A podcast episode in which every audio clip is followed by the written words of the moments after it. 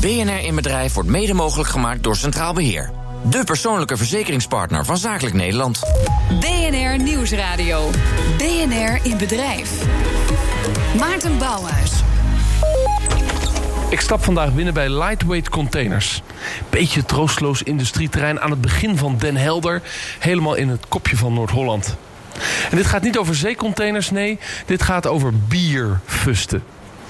Want zij maken van gerecycled plastic en PET plastic bierfusten die veel duurzamer zijn dan de klassieke stalen fusten die over de hele wereld worden verscheept omdat er statiegeld op zit. Nee, deze kunnen worden gerecycled, ook als je een deal doet met Australië. Maar ze staan hier overal om ons heen. Maar dit is niet een programma over de nieuwste horeca-innovatie. Dit is een programma wat gaat over de manier waarop ze samenwerken. En dat is hier op kantoor eigenlijk helemaal niet te zien. De mensen zitten in een open kantoortuin, maar er is hier een cultuur waarin iedereen gelijk is, tot de CEO aan toe. En hoe dat dan werkt om een supersnel groeibedrijf te zijn in de handel van plastic biervisfusten, daar wil ik alles van weten. Centrale vraag van vandaag: hoe leid je een bedrijf helemaal samen? BNE-bedrijf kijkt achter de schermen en legt het geheim van ondernemers bloot. En bij het verpakkingsbedrijf Lightweight Containers zijn ze wars van hiërarchie, zoals ik al vertelde. En ze geloven heel erg in samenwerken en zaken samen oplossen in teams. En die centrale vraag leidt dus: hoe leid je samen een bedrijf?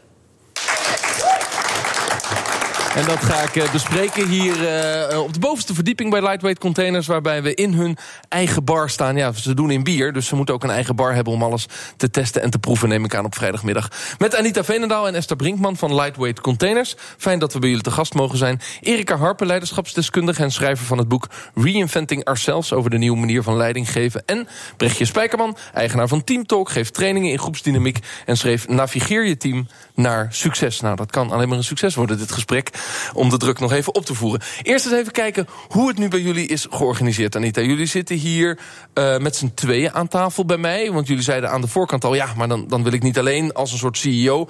maar samen met Esther, want we doen alles in teams. Jij bent ook geen CEO. Ik ben uh, senior business creator. Ja, en dat heeft iedereen op zijn visitekaartje dat staan. Dat klopt, ja. Hoe werkt dat dan?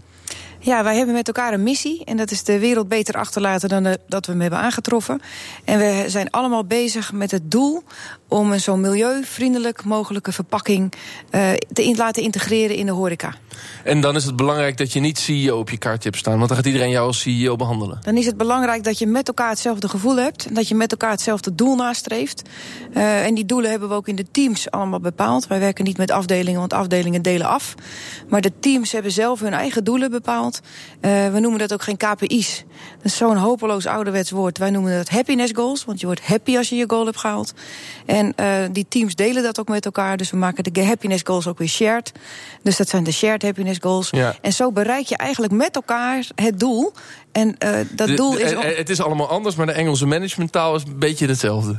De, het is shared, het is niet gedeeld. Ja. Of het is, maar het is een internationaal shared. bedrijf natuurlijk. Klopt, Heb ja. je ook veel andere mensen van andere culturen werken? Klopt, ja. We hebben internationale mensen aan het ja. werk. Maar Esther, jullie zijn wel het MT. Of zie ik dat dan toch verkeerd? We hebben een coachteam, en die kan je ook managementteam noemen, maar er is een coachteam, dat klopt. Ja, en de, met hoeveel zitten jullie daarin? Uh, ik zit er zelf niet in. Er zijn vier, uh, vier coaches. Ja, en, en, en wordt dat dan wel gezien binnen het bedrijf als de leiding van het bedrijf? Uh, wij spreken niet in kaders van leiding. Uh, maar het coachteam is er om te zorgen dat er het beste uit de teams gehaald worden. Dus Ja. ieder, ieder team heeft een coach, kan ook naar andere coaches toe. Maar uh, Ja, je zegt we spreken niet in, in, in vormen van leiding. Maar dat kan toch wel zo ervaren worden door de medewerkers? ja, er, is, er is wel een groep nodig die de punt op de horizon zet. En uh, uiteraard in overleg met de teams. En die ook kanaliseert hoe alle input vanuit de verschillende teams bij elkaar Ja. komt. Maar goed, je hebt het fundamenteel anders willen organiseren. Ja. Eh, Anita, jij was hiervoor bankier. Sterker nog, je was senior banker. Klopt. Ja, en, en wat was het omslagpunt dat je dacht... deze hiërarchische Zuidascultuur moet ik uit, ik ga iets anders doen? Nou, eh, dat voel je vooral van binnen. Als je niet meer uh, leeft zoals je wil leven. En je leeft in geestelijke onderdrukking, zo heb ik dat echt wel ervaren, uh, was ik blij te ervaren dat je, eh, ook als ondernemer heb je natuurlijk geestelijke vrijheid, maar ook daar kan je je onder druk voelen. Uh, ik gun eigenlijk iedereen geestelijke vrijheid. En die onderdrukking die ik toen de tijd heb gevoeld, dat gun ik niemand. En, maar je was onderdrukt door de, door de bankcultuur of door de cultuur van hiërarchie? Of de cultuur, ik denk de van, cultuur van, van, van delegeren en afdelingen? Ja, dat, daar, word je, daar kan je echt ziek van worden. En je dacht, dat, dat moet anders. Nou, je kon het familiebedrijf instappen. En, en, uh, en dacht je, dan ga ik... want het was hier niet zo georganiseerd voordat jij binnenkwam. Nee, uh, mijn vader uh, stond aan het roer. die is negen jaar geleden ziek geworden. En ik heb daar abrupt eigenlijk geprobeerd het stoekje over te nemen. En dat is wel aardig gelukt. Nog steeds onder de zielende coachbegeleiding van mijn vader.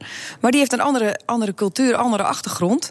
ik vind het ook rete knap dat hij op zijn 72ste nog steeds kan omgroeien naar een cultuur die tegenwoordig dan heel erg uh, geaccepteerd is. Maar toen we dus negen jaar geleden. Bedrijf. Ja, hij zit nog steeds in het bedrijf. Hij zit hier ook in het publiek. uh, maar als je negen jaar geleden kijkt en je verkondigt van... goh, uh, ik, ik, ik, hou niet van organogrammen... En, en, een bank vraagt toch om zo'n organogram... en ik teken hem dan voor die bank. Dat ik zeg, nou hier heb je je organogram. Ik wil hem eigenlijk nooit meer zien. Dan kijken ze echt aan van je bent uh, recalcitrant. Maar dat is het niet. Het is leven vanuit je hart, vanuit je gevoel... en zorgen dat je de kracht uit de mensen gaat halen. Dat je ze in hun, in hun beste kwaliteiten ja. zet. En de een is goed in dit en de ander is goed in dat. En je kan wel honderd keer zeggen, daar ben jij niet goed in. Dan moet je echt beter doen. Maar je kan ook denken, nou, daar ben je heel erg goed in. We gaan iemand anders zoeken voor hetgene waar je niet zo goed in bent. Ja. Uh, Erika Harpen, ook bij mij aan tafel. Jij, jij, jij was ook bankier. Ja, ik was ook bankier. Ja, wat een gezellige tafel. En herken je het gevoel wat Anita uh, omschrijft?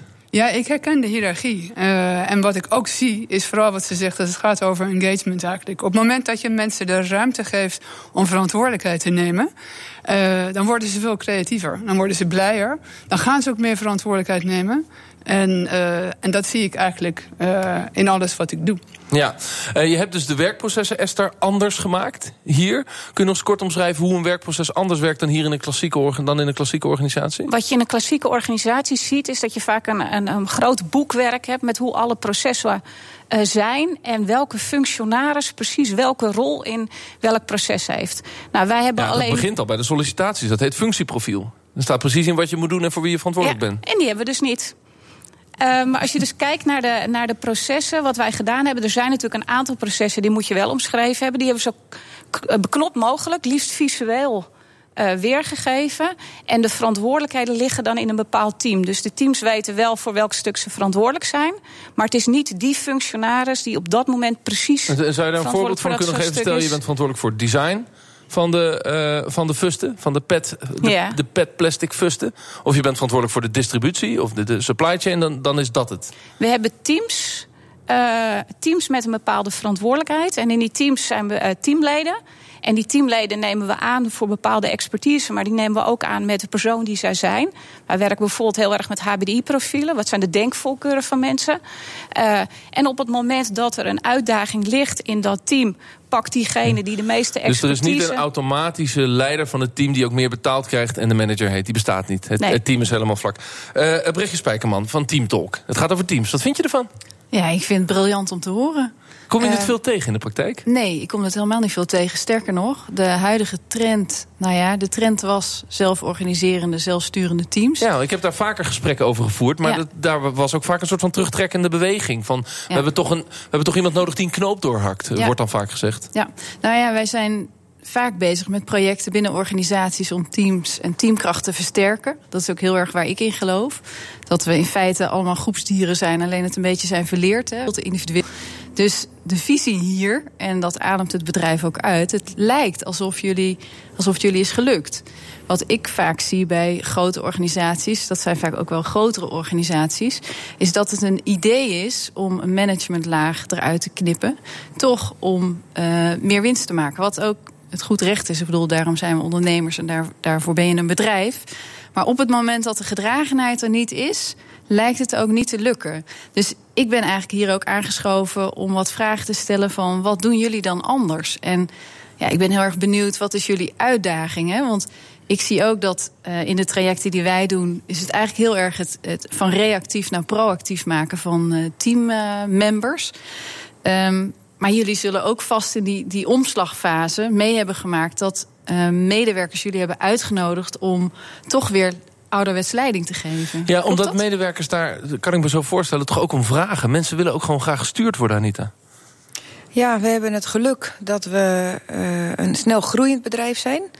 Uh, we hebben de afgelopen jaar, tien jaar een gemiddelde groei van 47,6% per jaar gehad. Per jaar. Dat noemen wij gazellen bij de FD Media Groep. Dat klopt, we waren ook gazellen. ja, precies. Uh, we zijn gazellen, moet ik zeggen.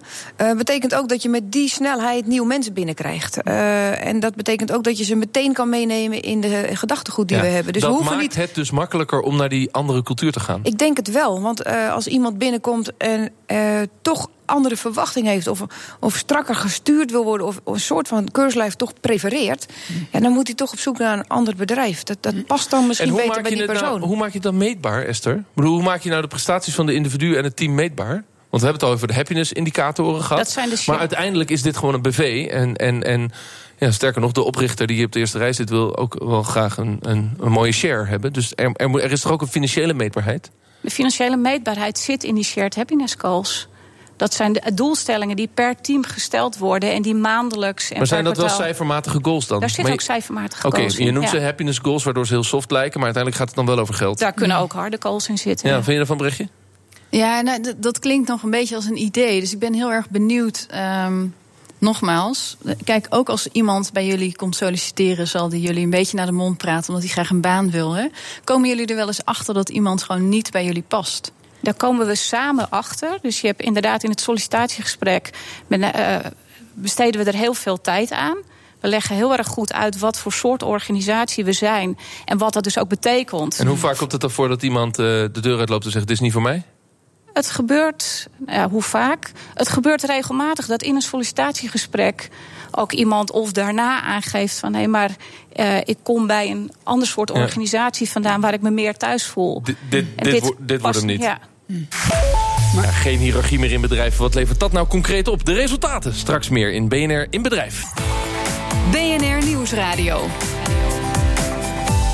BNR in Bedrijf.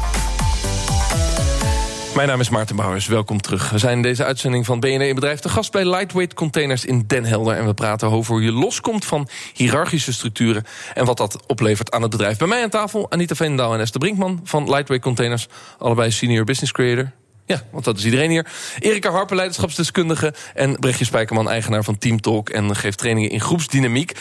Um, eerst maar eens eventjes, jongens. Uh, ik, ik, ben zo vrij. Wij doen elke week een Twitter-polletje. En dan vragen we aan onze luisteraars van... Uh, wat vinden jullie van het thema van deze week? De vraag deze week was... functies binnen het bedrijf zijn eigenlijk onzin. Nou, krijgen we een hele verdeelde uitslag. Uh, 20% is het er wel mee eens, maar 50% zegt... nee, dat is veel te onduidelijk. Uh, dus Anita, de, ja, de gewone luisteraar die hier niet werkt... die kan zich er toch niet zo heel veel bij voorstellen. Die heeft die duidelijkheid nodig, denkt hij. Dat kan ik me ook voorstellen. Als je niet anders gewend bent... Uh, dan kan ik me voorstellen dat je zoekt naar, naar gebaande paden waar je, waar je veilig bij voelt. Ja. En als je je geestelijke vrijheid kan laten gaan... en op basis van je denkvoorkeuren en je competenties... Uh, eigenlijk de grens tussen werk en privé kan verleggen... Uh, dan voelt dat veel lekkerder. Dan ben je veel gelukkiger. Is, is dat berichtje wat je in teamtrainingen tegenkomt... dat mensen dat dus wel willen, die vastigheid... maar dat jij ze probeert te bewegen naar ga nou meer als groep doen? Ja, het hangt heel erg van de. Kijk, deze, deze stelling kun je niet loszien van de organisatie en, en, en de ervaring die uh, de mensen hebben die hierop reageren. Uh, het moet zo. De hele organisatie moet zo doordrongen zijn van deze visie. En anders dan werkt het niet. Dan is het eigenlijk een lege huls. Dan is het een leuk idee. Ja. Ik vind het mooi wat Erika? je zegt. Want het gaat erover dat de organisatie het moet kunnen voelen. En dat vind ik eigenlijk wel mooi van het voorbeeld hier bij Lightweight Containers. Kijk, er is de laatste jaar een enorme host die is aangezet door Reinventing Organizations. Ja. Het boek van Frederik Laloux. Uh, hij omschrijft daar in twaalf organisaties die werken middels zelfsturing.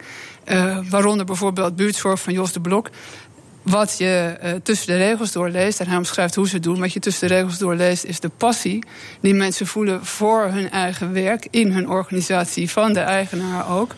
En het feit dat daardoor, als ze die zeggenschap krijgen, nemen ze die verantwoordelijkheid ook heel graag. En dat is eigenlijk een vraag van mij aan jou, uh, Anita. Want hoe zie je dat in jouw organisatie? Soms vinden mensen namelijk moeilijk om zeggenschap te nemen. Een beetje wat jij net zei, Maarten. Maar op het moment dat de passie er is en ze krijgen de ruimte, dan zie je heel vaak het Dus zeggenschap nemen hangt samen met passie hebben voor wat je doet. En Dat- iemand, dat iemand die vooral voor zijn, voor Ja. zijn huur of zijn hypotheek werkt... en wat minder passie heeft, Ja. die neemt die zeggenschap niet. Ja, wat je, wat je ziet in de onderzoeken, bijvoorbeeld de Gallup-onderzoeken, die wereldwijd 35 miljoen eh, werknemers eh, onderzoeken. Je ziet dat bijna 80% is niet engaged. Moet je je voorstellen, 80% van de mensen doet niet mee. Nou, jij hebt hier het omgekeerde gedaan, Anita. en dat vind ik fantastisch. Ik En kijk kun de je- mensen, ons publiek op de eerste rij even aan, in de ogen. Ze lijken redelijk engaged. Ja, dat weet ik zeker. Ja, precies. Denk ik zeker te Maar weten. dat is, een, dat is een interessante vraag. Het, het, het kan dus alleen werken. Dat is feitelijk wat jij Dat zegt. Het kan ja. werken als je het koppelt aan passie voor je werk. Nou, het is wel leuk dat je het woord Purpose, passie ook noemt. ja. Want passie is een van onze kernwaardes. Die we absoluut gebruiken bij het aannamebeleid. Mm. We hebben zes kernwaardes. En daar worden ze ook echt wel op getoetst. Mm. Als je die niet kan beleven en niet kan voelen. dan ga je hier niet gelukkig zijn. Want je bent dan ook een vreemde eend in de bijt. Ja. Want de rest is namelijk wel engaged. En die voelen die kernwaardes echt tot in Ja. hun diepste vezel. Nou, nou, nou zou ik het heel graag nog even iets verder met je willen afbellen. Want je noemt zelf Jos de Blok, buurtzorg. Ja. Ehm, eh, we kennen de, het verhaal van Ricardo Semmler. Dat het hetzelfde eh, idee is over de platte organisaties, de zelfsturing. Ja. Wat mij er altijd in verbaast is dat het bij allerlei verschillende type organisaties kan werken. Ja. Terwijl ik altijd gedacht heb, als je nou een hoge opgeleide organisatie hebt met allerlei slimdenkende mensen, dan kunnen ze dat vast wel. Terwijl die soms op de Zuidas nog super hiërarchisch zijn. Ja. En als je een productiebedrijf hebt.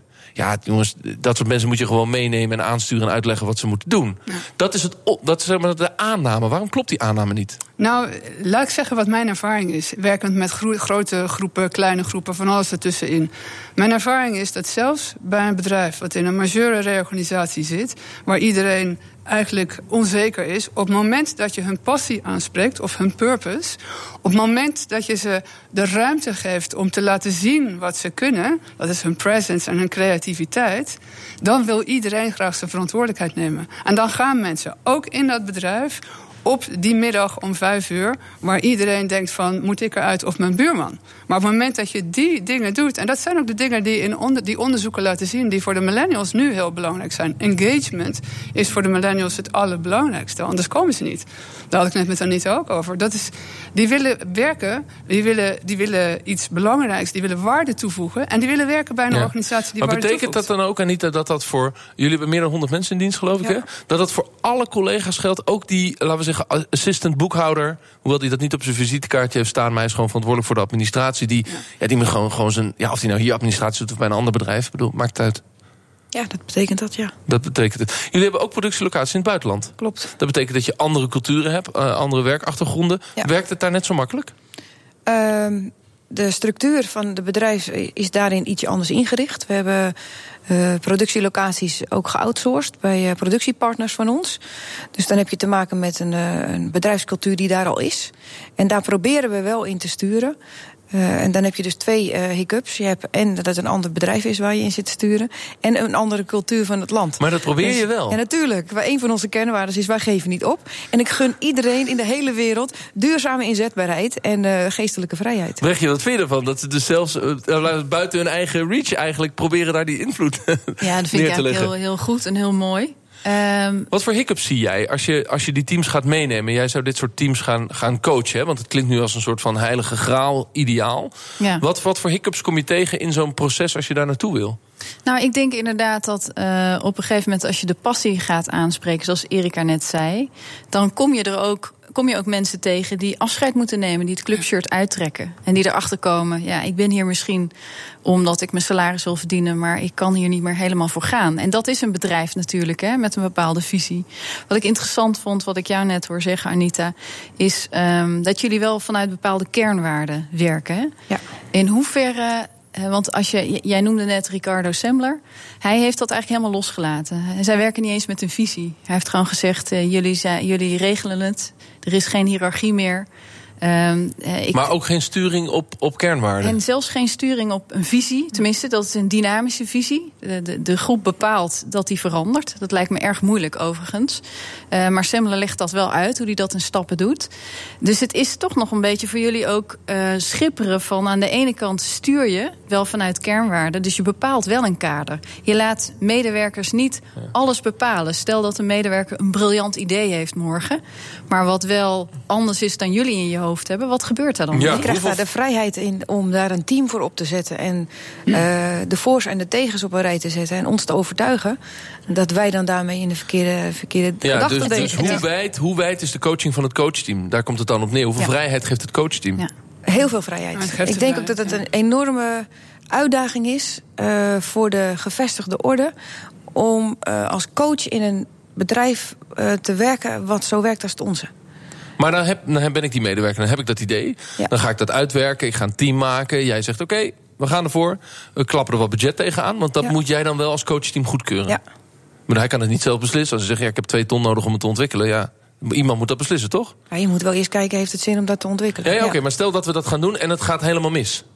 Ja, dan gaat Dat, het dat, mis. dat gebeurt. De- die medewerker moet dus ook heel veel vertrouwen voelen... dat hij die fouten voortdurend mag maken. Ja. Hoe heb je dat voor elkaar gekregen om die cultuur te bouwen? Want dat lijkt me een van de moeilijkste dingen om... Ik bedoel, zolang alles goed gaat is het leuk, hè?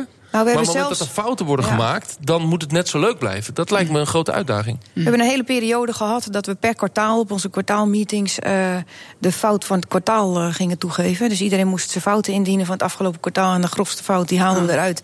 En dan zeiden we die heeft een prijs verdiend. Ehm, daar waren ze nog niet allemaal aan toe, zeg maar. Wij juichen het maken van fouten wel toe, want zonder fouten kom je nooit eh, maar ergens. om nou op het podium te, te stijgen Ja, die met je vonden ze fout... ook dat iets wat ver is wel gaan. heftig.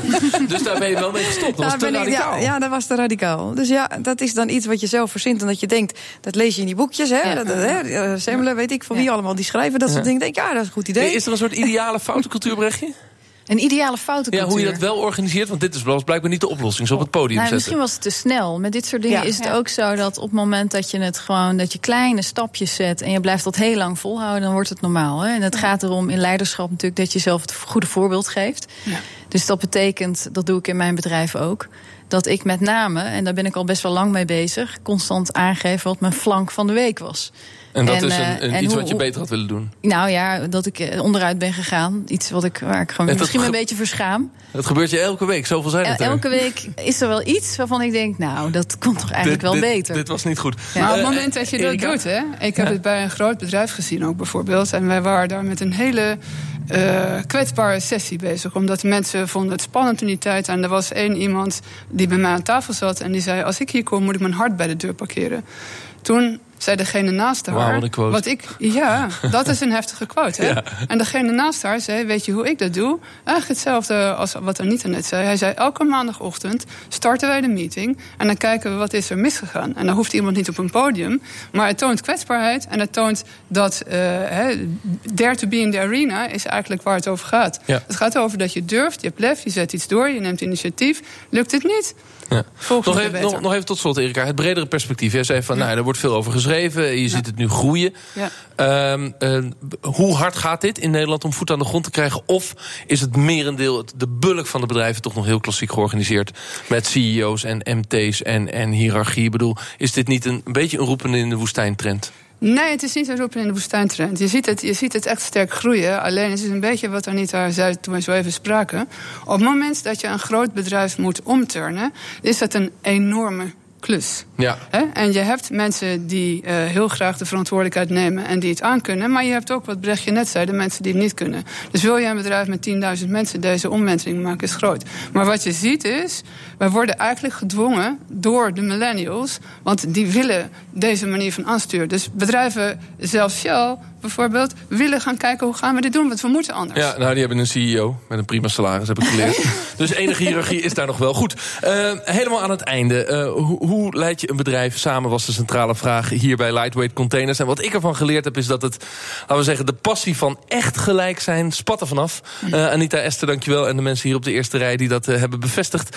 Ehm, maar hoe kan het? Het kan ook doordat jullie een groeibedrijf zijn, dat helpt. Doordat je snel nieuwe mensen kan aannemen. Het past bij de millennials. En je moet het redelijk radicaal doen en veel vrijheid geven en veel vertrouwen geven. Dat heb ik ervan geleerd. En ik heb er ook van geleerd dat misschien nog niet alle bedrijven er aan toe zijn, maar dat het wel de opkomende trend is. Nou, dat is goed nieuws voor de mensen die de arbeidsmarkt gaan bestijgen. Als je dat gaat doen en je gaat aan het werk, dan kun je dus altijd voor een organisatie kiezen wat die vlakte en die vrijheid geeft aan zijn medewerkers. Ik dank Anita Veenendaal, Esther Brinkman van Lightweight Containers, Erika Harper, leiderschapsdeskundige en Brechtje Spijkerman van eh, Team Talk. Dank dat jullie wilden aanschuiven hier in Den Helder om jullie visie te geven op dit dit onderwerp.